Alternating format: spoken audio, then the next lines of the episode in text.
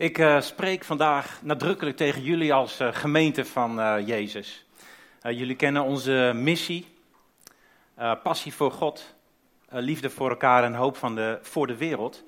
En vanuit de huisgroepen is er ook een discipelschapstrainingprogramma gestart. En we zijn nu bij het onderdeel authentieke relaties. En daaronder daar hebben we dat verduidelijkt door te zeggen dat is op zo'n manier omgaan met mensen dat Gods hart zichtbaar wordt. Nou, in die serie van authentieke relaties uh, spreek ik dan vandaag over elkaar op een nederige manier confronteren. We hebben het uh, eerder gehad over uh, respect. We zullen het nog hebben over vergeving en voor en met anderen bidden. En ook elkaar door moeilijke tijden heen helpen. Nou, confronteren, hoe hangt dat nou samen met onze missie? Confronteren is uh, van belang in, de, in het lief, liefde voor elkaar. Want we zijn met liefde bij elkaar betrokken en samen op weg om te leren en te groeien. En daar zit uh, de link. Um, even iets te snel. Um, confronteren en liefde. Kijk, liefde associeer je denk ik sneller met uh, genade en elkaar accepteren.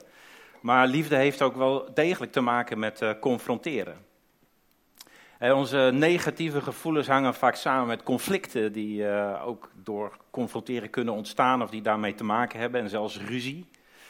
Maar het heeft ook te maken met de waarheid spreken. En waarheid is noodzakelijk om te groeien en om verdieping in relaties te krijgen. Dus het heeft heel veel te maken met liefde. Nou, wat ik nu met jullie wil bespreken is eerst ook de vraag van hoe sta je daar zelf in? Ben jij iemand die uh, uh, conflicten mijdt, onprettig en daar liever uit wegblijft, of zoek je het misschien? Uh, ik wil ehm, ja, ook met name lezen wat Jezus erover zegt in de bergreden. Um, en ik zal het hebben over wanneer wel en niet. Dat is natuurlijk toch wel een, uh, een vraag die je zelf uh, moet stellen. En het is heel belangrijk om je te realiseren, en dat is mijn, uh, mijn stelling dan ook. confronteren dient ertoe om de eenheid en de vrede in de gemeente te bewaren. Het heeft te maken met ja, heiligheid van de leden van het lichaam van Christus en zeker ook Gods eer. En het is wel een gevoelig onderwerp. Want confronteren op de verkeerde manier uh, ja, kan heel erg veel schade aanrichten. En het zal op die manier ook Gods naam weer uh, te gabbel leggen. Ruzies in gemeentes, die gebeuren helaas. En het is uh, buitengewoon pijnlijk. Uh, en voor de wereld is dat ook een, een reden om te zeggen dat christelijke gemeenten zijn ze mee bezig. Dus ik ga ook wel wat in op hoe doe je dat dan, wat praktische aanwijzingen. Nou, voor ik verder ga, het is denk ik wel goed om even te zeggen dat confronteren en conflicten is niet een, zijn niet synoniem. Hè?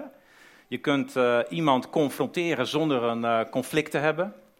In uh, de mail die van tevoren is rondgestuurd als voorbereidingsmateriaal, zie je dat Jezus op een bepaald moment tegen de rijke jongeling zegt van joh, wat jij nog nodig hebt, verkoop alles wat je hebt en volg mij. Heel confronterend voor hem. En dat kon hij ook niet, maar dat was een confrontatie zonder conflict. Je kunt ook een conflict hebben zonder confrontaties. En uh, ik zal ook wel laten zien dat daar ook wel een negatieve kant aan zit. Nou, de vraag hoe confronterend ben jij? Ik uh, denk dat het wat onpraktisch is om uh, iedereen van jullie hier dat te laten vertellen. Dus wat ik wil doen is, ik vertel iets over het gezin waar ik uitkom. want dat bepaalt heel erg hoe je omgaat met conflicten. Nou, ik kom uit een, uh, een gezin waar mijn vader uh, heette Piet en mijn moeder heette Mies. Mijn vader die was leraar op een, uh, op een school. En die had heel veel belangstelling voor mensen. Dat is een handige eigenschap als je leraar bent. Dat is goed in de relatie met je leerlingen. En als iemand zijn mening aan hem vertelde, dan uh, vond hij dat over het algemeen prachtig en heel interessant. En hij had daar nooit echt kritiek op. Hij uh, was heel mild in, uh, in zijn oordeel en zijn omgaan met mensen. Mijn moeder, die was veel kritischer. Maar gelukkig ook naar zichzelf. nu hadden ze een huwelijk waar, zoals in elk huwelijk, spanningen zijn.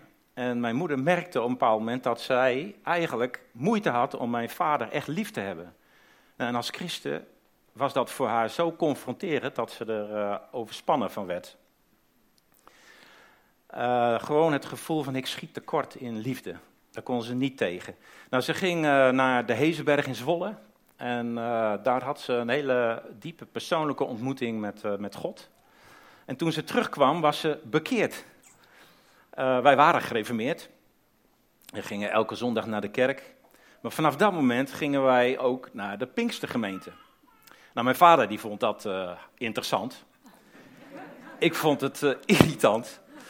Want het was uh, heel onveilig voor mij. He, zomaar midden in de dienst zou iemand kunnen opstaan en die riep halleluja. Er werd in tongen gebeden. Er werd elke zondag een indringende oproep gedaan om je te bekeren. En daar zat ik dan als geïnformeerde jongen en denk ik... En dan moest je staan en allemaal zulke dingen. Ik denk, nee, dat doe ik niet. Dus het was voor mij een confrontatie met een andere manier van geloven. Nou had mijn moeder ook uh, een uh, nogal vasthoudende manier om mij steeds te vragen: Roeland, waar sta jij? Heb jij al een keuze gemaakt? Staat Christus bij jou op de eerste plaats? En dat leverde best wel strijd op. Ik verzette er maar tegen, uh, want dat was natuurlijk niet het geval. Nu, ik herinner me uh, dat, dat we een keer een zondag uh, in de dienst waren geweest en er was ook weer een oproep gedaan om je te bekeren. En we reden naar huis en stonden voor het stoplicht en dan kwam mijn moeder weer met de vraag, Roeland, heb jij ook een keus gemaakt? En toen zei ik, om er vanaf te zijn, ja. Maar dat was niet zo. Nou, het licht ging op groen, we fietsten verder. En ik vond dat toen eigenlijk heel uh, oneerlijk van mezelf. En, en ik, ik was er gewoon gefrustreerd over. Ik denk van, Roland, waar ben je mee bezig? En toen op dat moment besloot ik dan om het daad bij het woord uh, te voeren. Zo, is mijn, uh, zo ben ik tot bekering gekomen.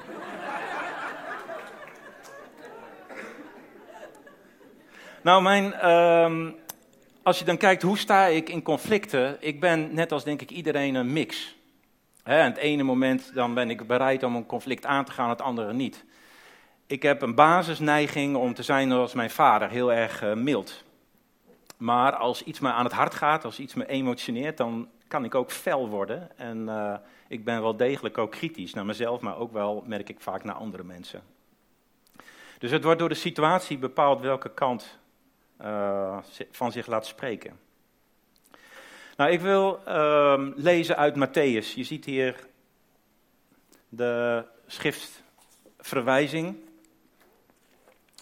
En uh, ik neem aan dat, dat de ijverigen onder jullie uh, het ook allemaal van tevoren hebben voorbereid, zoals dat in de mail ook wordt gesuggereerd. Uh, dus daarom ga ik lezen en zal ik ook meteen wat reageren op de teksten die, die we lezen. ik lees uit Matthäus, uit de bergreden.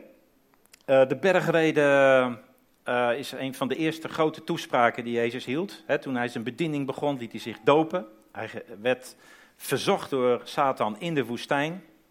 Er was een strijd over de waarheid van teksten. En daarna uh, heeft hij uh, onderwijs gegeven. In Matthäus staat het heel gecomprimeerd.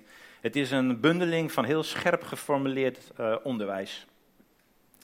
En ik begin te lezen in vers 20. Jezus die zegt daar tegen zijn discipelen: Want ik zeg jullie als jullie gerechtigheid niet groter is dan die van de schriftgeleerden en de fariseeën, zullen jullie zeker het koninkrijk van de hemel niet binnengaan. Jezus die zocht uh, duidelijk de confrontatie met de fariseeën. De fariseeërs, dat waren de religieuze leiders van die tijd. Ze waren wettisch. Dat betekent dat ze regels belangrijker vonden dan mensen. Ze waren huigelachtig. Want ze preekten een leer waar ze zichzelf niet aan hielden. En ze waren ook hoogmoedig. ze deden veel dingen om op te vallen bij mensen, terwijl God naar het hart kijkt. Nou, dat is iets waarvan Jezus zegt, daar confronteer ik jullie mee. En dat deed hij op niet mis te verstaande bewoordingen. Heftig vaak. Ik ga verder lezen, vers 21, daar meteen op aansluitend. Jullie hebben gehoord dat destijds tegen het volk is gezegd: pleeg geen moord.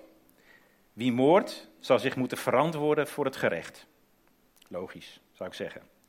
En ik zeg zelfs: ieder die in woede tegen zijn broeder of zuster tekeer gaat, zal zich moeten verantwoorden voor het gerecht. Wie tegen hen niets nut zegt, zal zich moeten verantwoorden voor het Sanhedrin. Wie dwaas zegt, zal voor het vuur van Gehenna komen te staan. Nou, dat is uh, uh, ja, duidelijke taal, zou ik zeggen. Conclusie, jongens en meisjes, pas op je woorden wat je zegt, zeker als je boos bent.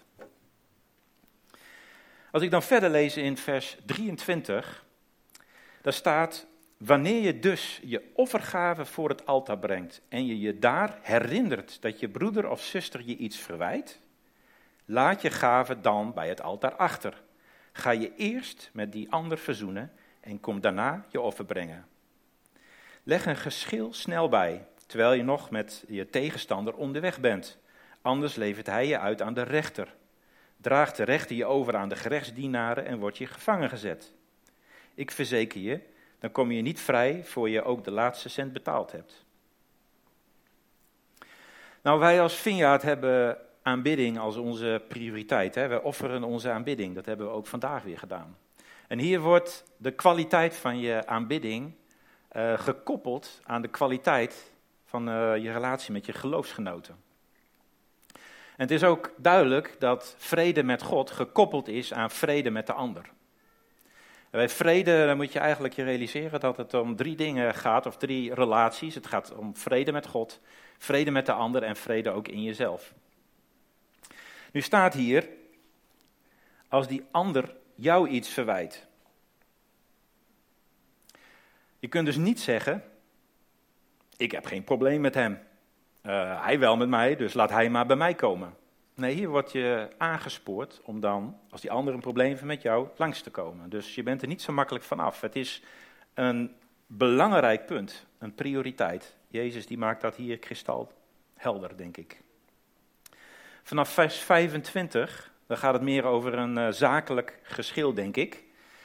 en hier staat heel duidelijk de waarschuwing: laat het niet escaleren naar een rechtbank. Ik moet dan denken aan wat Paulus zegt in 1 Korinthe 6. Daar spreekt Paulus tegen de Corinthiërs, uh, de, de christengemeente in Corinthië. En die hadden blijkbaar de gewoonte om onderling zakelijke verschillen uit te vechten voor de rechter. Hij zegt dat is een schande. Doe dat niet. Ga niet naar de rechter. Maar doe een beroep op wijze mensen in de gemeente. En dan zegt hij ook: waarom leidt u niet liever onrecht? Waarom laat u zich niet liever benadelen? Dat is een belangrijke eh, opmerking. Uh, je moet je realiseren dat uh, we hebben een rechtssysteem. Daar mogen we ook heel blij mee zijn. Maar een rechtbank is niet uitgerust om de persoonlijke aspecten van een conflict aan te snijden of te adresseren. Dus veel conflicten, daar zit een ongezonde houding en een ongezond gedrag achter en onder. En dat wordt niet door een rechtbank aangepakt of verbeterd. Wij als gemeente uh, zouden daar wel toe in staat moeten zijn. Wij zouden de wortel van een conflict moeten kunnen aanpakken. Het is ook zo dat als je naar de rechter gaat met iemand, dan zie je in de praktijk dat het mensen eigenlijk veel meer uit elkaar drijft dan dat ze het tot elkaar brengen. En dat de onderliggende problemen alleen maar erger worden. Nou, zo'n stelling van ga niet naar de rechtbank moet ik dan toch wel even nuanceren. Er zijn natuurlijk wel situaties dat je uh, een conflict of een probleem of wat iemand doet, uh, naar de rechtbank brengt. En dat is als het een gevaar vormt voor anderen. En misschien ook wel een gevaar voor die persoon zelf. Ik lees verder vanaf vers 27. Jullie hebben gehoord dat gezegd werd: pleeg geen overspel. En ik zeg zelfs: iedereen die naar een vrouw kijkt en haar begeert, heeft in zijn hart al overspel met haar gepleegd. Als je rechteroogje op de verkeerde weg brengt, ruk het uit en werp het weg. Je kunt immers beter een van je lichaamsdelen verliezen dan heel je lichaam in de gehenna geworpen worden. En als je rechterhand je op de verkeerde weg brengt, hak hem dan af en werp hem weg. Je kunt immers beter een van je lichaamsdelen verliezen dan dat heel je lichaam naar de gehenna gaat. Ook weer radicale taal ik hoop dat jullie begrijpen dat dit niet per se letterlijk uitgevoerd uh, uh, dient te worden. Maar dat je dit moet interpreteren als van wees radicaal met zonde in jou. En uh, doe dan, neem ook geen halve maatregelen. Wees bereid pijnlijke maatregelen te treffen. Als er verleiding is, als iets je verleidt, zorg dat het uit je leven weggebannen is. Uh, ik zit uh, in een voetbalteam en tijdens het voorbereiden van deze preek hadden we natuurlijk een, een app hebben we dan. En daar komen regelmatig berichtjes binnen die niet over voetballen gaan. En nu kreeg ik allerlei plaatjes die gingen, sloegen op de oktoberfeesten in Duitsland.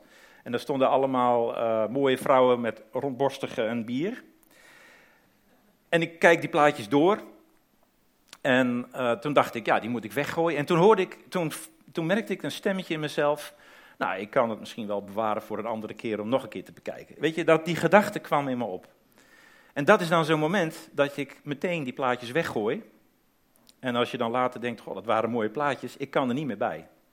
dus dat zijn dingen waar je radicaal mee moet zijn. Ik herinner me ook van de tijd dat, uh, dat ik uh, lange tijd alleen woonde. En uh, dat ik in die tijd de televisie heb weggedaan. Ook omdat dat uh, verleidingen met zich meebracht die, uh, waar ik op dat moment niet tegenkom. Je kunt je ook voorstellen dat, dat je op je werk te maken krijgt met ehm, verleiding.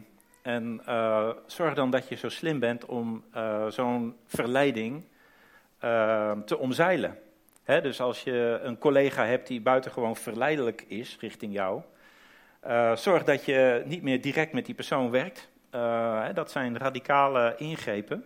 Maar je moet daarover nadenken, want je moet voorkomen dat je weer in de verleiding uh, komt.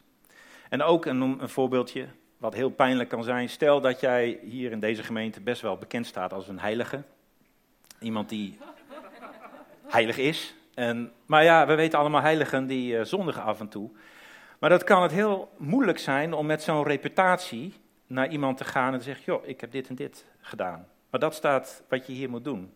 Hoe pijnlijk ook, wees radicaal. Ik ga verder lezen, ik sla een paar stukken over. Ik lees verder in vers 38. En daar zegt uh, Jezus: Jullie hebben gehoord dat gezegd werd een oog voor een oog en een tand voor een tand. En ik zeg jullie je niet te verzetten tegen wie kwaad doet, maar wie je op de rechterwang slaat, ook de linkerwang te keren, toe te keren. Als iemand een proces tegen je wil voeren en je onderkleed van je wil afnemen, sta hem dan ook je bovenkleed af. En als iemand je dwingt één mijl met hem mee te gaan, lopen dan twee met hem mee. Dat, uh, interessant misschien om te weten, is dat uh, de Romeinse soldaten die hadden het recht om iemand te dwingen hun wapenuitrusting te dragen, maar dat ze beperkt tot één mijl.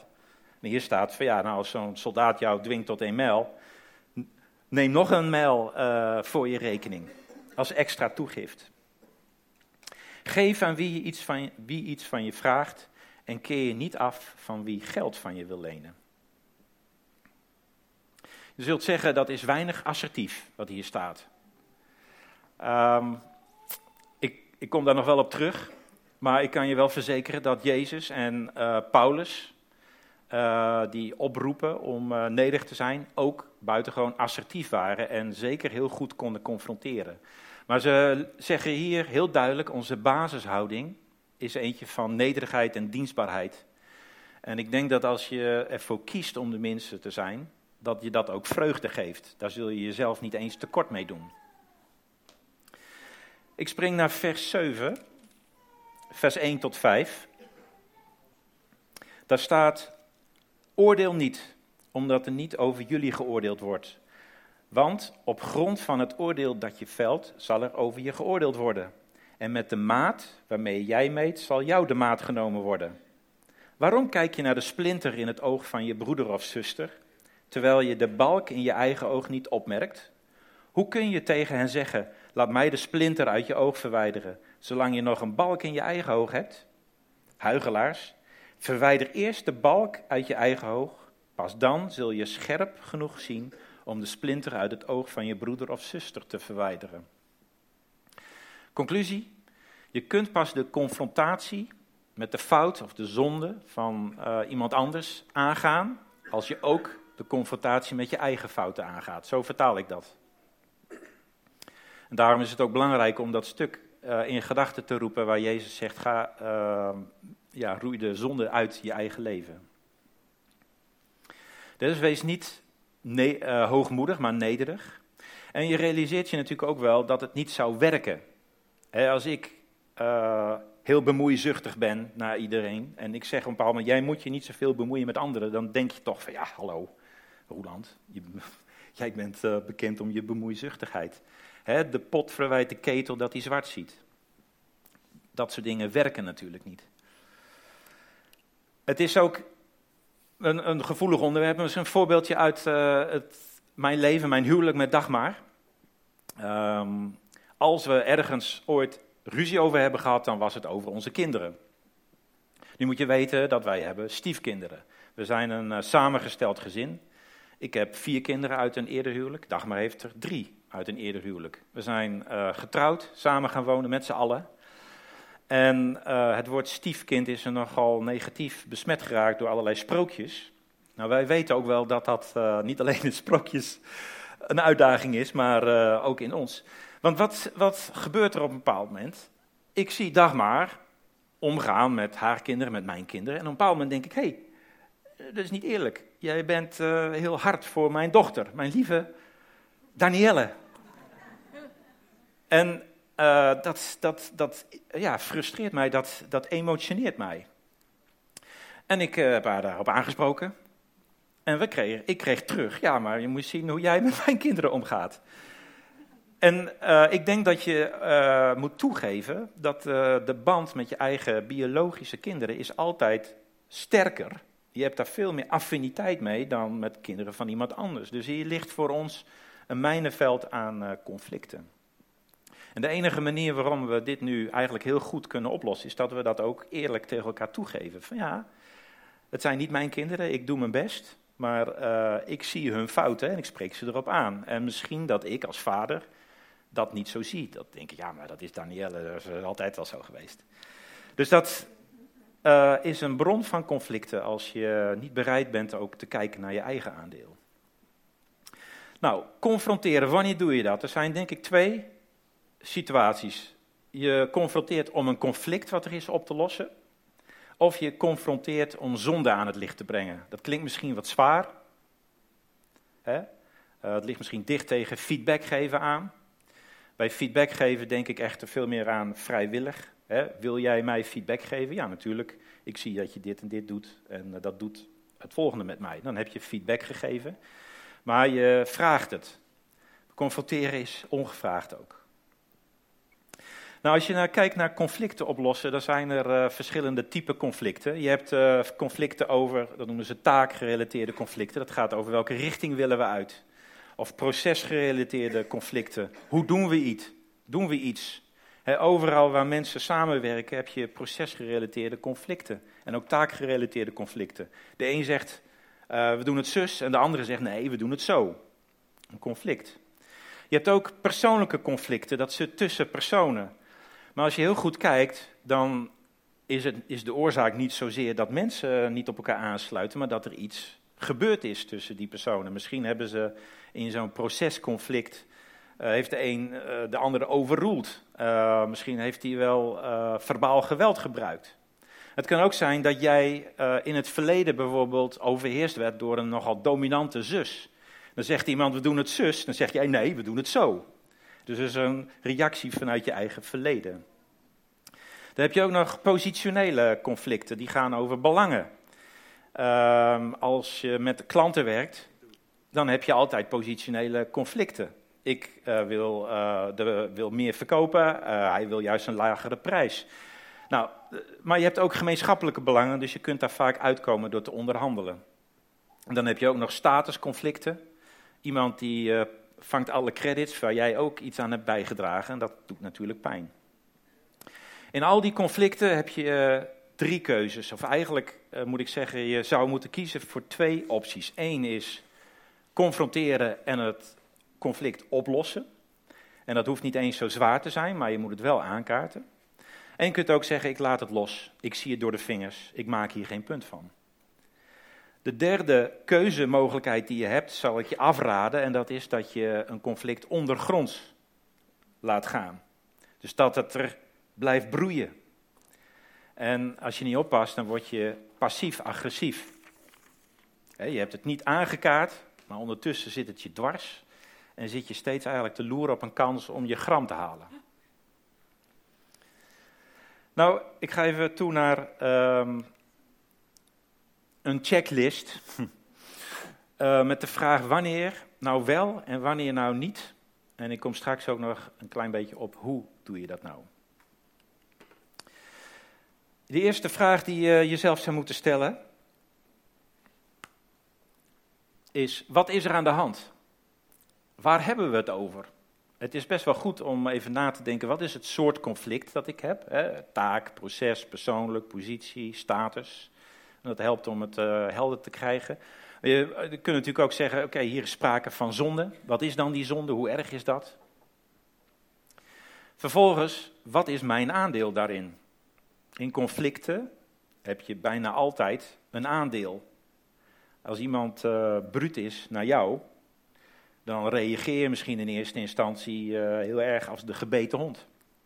Je weet natuurlijk ook het voorbeeld van de balk en de splinter. Uh, heb je boter op je hoofd? Hoe eerlijk ben je in het erkennen van jouw bijdrage aan het conflict? Dat is heel belangrijk als je tot een oplossing wil komen. En dan, als er sprake is van zonde, hè, dan hebben we het met de maat waarmee jij meet. Maar ook hoe erg is dit? Dus dat is een, een, een vraag, wat is mijn, mijn aandeel? En dan is een hele belangrijke vraag, hoe God te eren? Het gaat niet om je eigen gelijk, maar het gaat om de eer van God. En ik praat vooral over conflicten in de gemeente.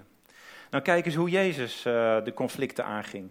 In Johannes 5, vers 30, daar lees je iets wat, uh, wat belangrijk is om uh, je te realiseren. Hij deed niets uit zichzelf. Hij zei: Ik kan niets uit mezelf doen. Hij deed alles, met andere woorden, in overleg met zijn vader. En hij zegt daar in Johannes 5, vers 30 ook: Ik richt me niet op uh, wat ik wil, maar ik richt me op wat hij wil. Wat het belang is van mijn vader in de hemel. En ook het belang van de ander. Maar Jezus die sprak wel degelijk de waarheid. En waarom? Want die waarheid die maakt vrij. Zonde die maakt uh, je tot een slaaf. En Jezus die was erop gericht om mensen te bevrijden. Dus waarheid spreken kan enorm helpen om mensen vrij te maken. En dat is tot eer van God. Nou, dan krijg je als vierde punt confronteren of loslaten. Ga ik ervoor of niet? Die optie laat het voortwoekeren moet je dus niet doen, want dat zou de vrede in jou uh, verstoren. Loslaten zou te maken hebben met de persoon accepteren zoals hij is, genadig zijn. En uh, ik haal uh, Romeinen 14 en 15 aan. En dat is een lang stuk en daarboven staat, aanvaard elkaar, aanvaard elkaar zoals Christus u heeft aanvaard. Dat is een uh, belangrijk gegeven bij het loslaten. Als je gaat kijken naar confronteren, wanneer deden Jezus en Paulus dat? Jezus die uh, geeft een aantal voorbeelden. Bijvoorbeeld de tempelreiniging. We kennen dat verhaal misschien wel, dat hij eigenlijk met geweld alle commerciële activiteit uit uh, de tempel verwijderde. Met geweld. Want de heiligheid van het huis van zijn vader, dat ging hem na aan het hart, dat verteerde hem zelfs. Dus het belang van Gods heiligheid in de gemeente. Uh, om redding te brengen aan mensen. En, uh, dat zie je bij Jezus heel sterk, tegen huigelarij, tegen zonde, tegen onrecht ook. Nou, het is uh, ook zo. Heb je hulp nodig? Ik denk van wel. Uh, dus denk daar ook over na, want die hulp die is er. Paulus die uh, zei van, uh, tegen de Korinthe, van is er dan niemand in jullie, zijn er dan in jullie gemeente geen wijze mensen? Ik vermoed, ik denk, ik weet dat in onze gemeente wel wijze mensen zijn. Dus als er een conflict is, uh, kijk of, of je hun raad kunt vragen. En misschien kunnen ze ook wel bemiddelen. Bemiddelen is een beetje een neutrale positie innemen. En de partijen bij elkaar brengen, met elkaar laten praten. Dat is vaak het moeilijkste. Als twee mensen conflict hebben met elkaar, om ze überhaupt bij elkaar te krijgen. Maar als je dat al lukt, dan heb je vaak al het belangrijkste bereikt. En dan ben je denk ik ook een vredestichter. Arbitrage. Um, moeilijk woord misschien, maar dat uh, gaat verder dan bemiddeling. Dan leg je het iemand voor van nou, zeg jij het maar. Wat gaan we doen? Echte arbitrage werkt natuurlijk het beste als beide partijen het mee eens zijn dat er een arbiter is. Als er met voetballen één ploeg niet toegeeft dat de persoon in het zwart scheidsrechter is, dan gaat het niet goed op het veld. En in het geval van een ernstige zonde is dat ook uh, belangrijk om uh, ja, een gemeenteleiding uh, aan te spreken. Zeggen van nou, er is iets ernstigs aan de hand. En ehm, hoe willen wij dat als gemeente aanpakken? Jezus die geeft in Matthäus 18, vers 15 tot 17 ook een kleine procedure. Hij zegt, spreek eerst iemand aan onder vier ogen. Als dat niet werkt, praat dan met één of twee andere mensen erbij. En als dat niet werkt, leg het dan voor aan de gemeente. Oké, de juiste houding. Die heeft heel erg te maken met de juiste toon.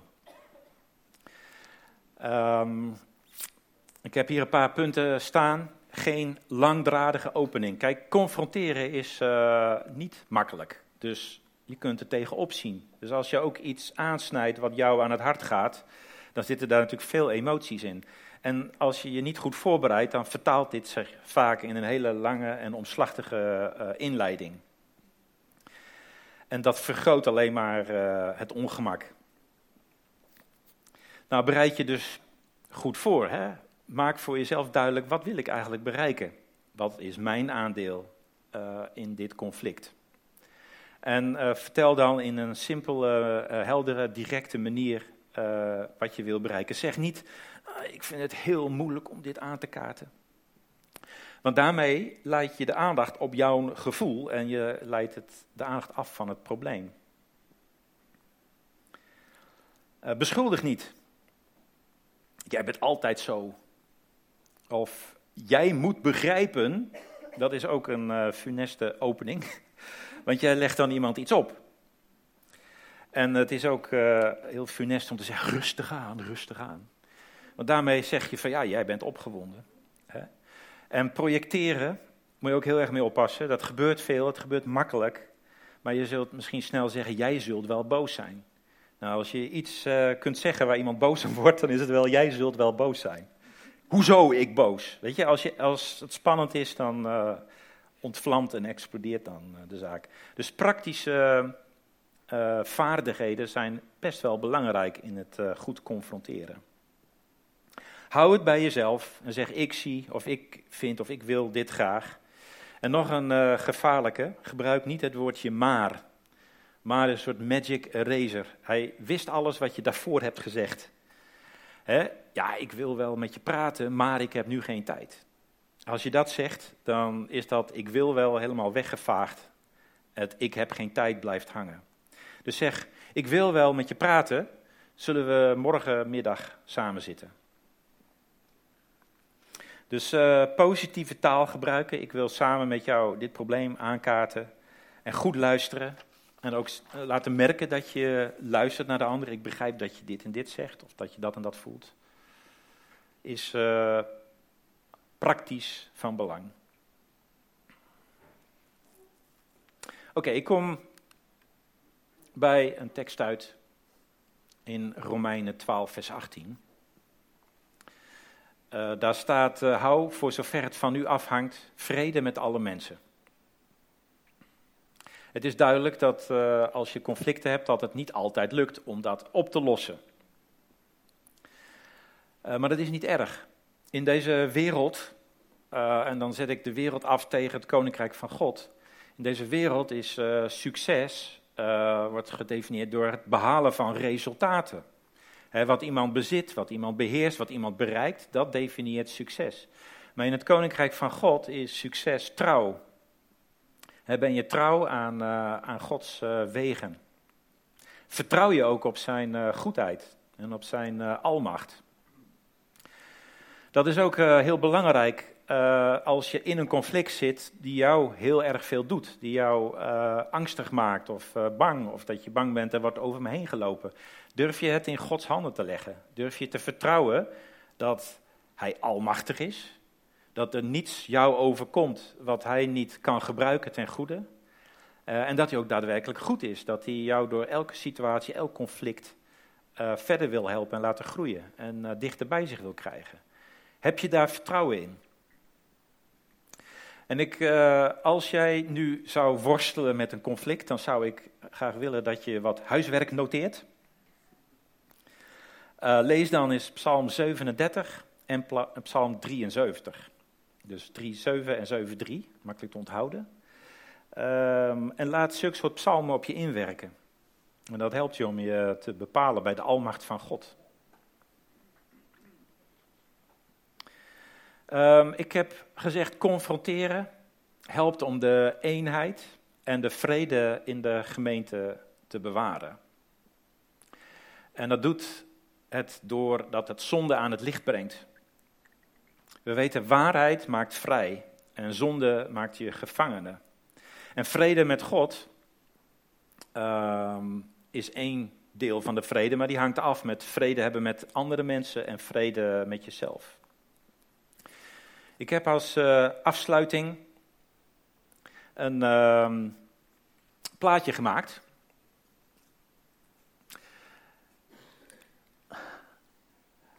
Dat, uh, ik heb er best wel veel tijd aan besteed. Dit is een uh, beeld van het lichaam van Christus. En jullie weten, het lichaam van Christus, dat zijn wij als gemeente. We zijn het lichaam van Christus hier op aarde om Hem te vertegenwoordigen. En ik heb uh, aangegeven dat uh, het te maken heeft met Gods eer.